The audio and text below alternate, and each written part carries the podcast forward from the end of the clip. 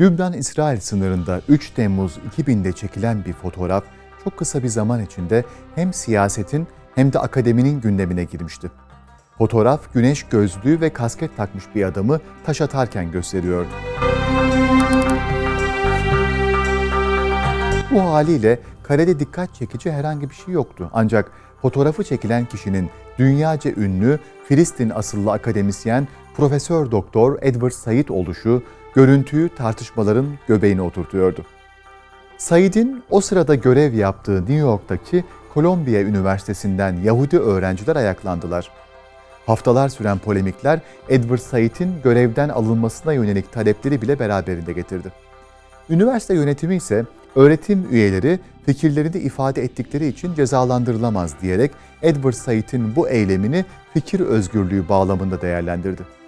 25 Eylül 2003 günü gazetelere düşen bir vefat haberi Profesör Doktor Edward Said'in 68 yıllık ömrünü New York'ta tamamladığını gösteriyordu.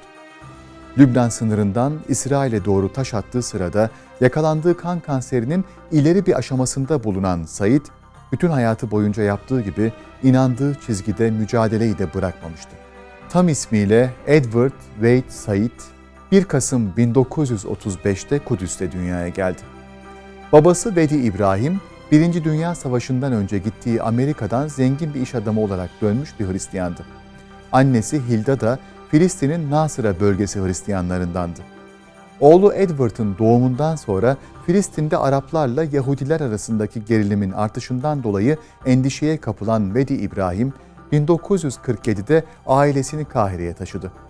Edward Said, burada İngilizce temel eğitimini tamamladıktan sonra 1951'de üniversite için Amerika'ya gitti. Harvard'da aldığı seçkin eğitimin ardından İngiliz dili ve edebiyatı alanında uzmanlaştı. 1963'te eğitmen kadrosuna dahil olduğu 1969'da da profesörlük elde ettiği Columbia Üniversitesi'nden ölümüne kadar ayrılmadı. Edebiyatla ilgili bazı çalışmalarının ardından 1978 yılında kendisini dünyaca üne kavuşturan eseri Oryantalizm yayımladı. Akademik çevreleri sarsan eser, aydınlanma felsefesiyle sömürgecilik arasındaki kirli ilişkiyi gözler önüne sermesi nedeniyle büyük bir tartışmaya neden oldu. Oryantalizm kısa bir zaman içinde 20. yüzyılın en önemli akademik metinlerinden biri haline geldi. Sonraki yıllarda Filistin'e eğilen Edward Said, 1979'da Filistin sorununu yazdı. Bu iki kitabı medyada İslam, müzikal nakışlar, kültür ve emperyalizm gibi önemli çalışmalar izledi. Edward Said bu süreçte müzikle profesyonel ilgisini de ilerletti, usta bir piyano yorumcusu oldu.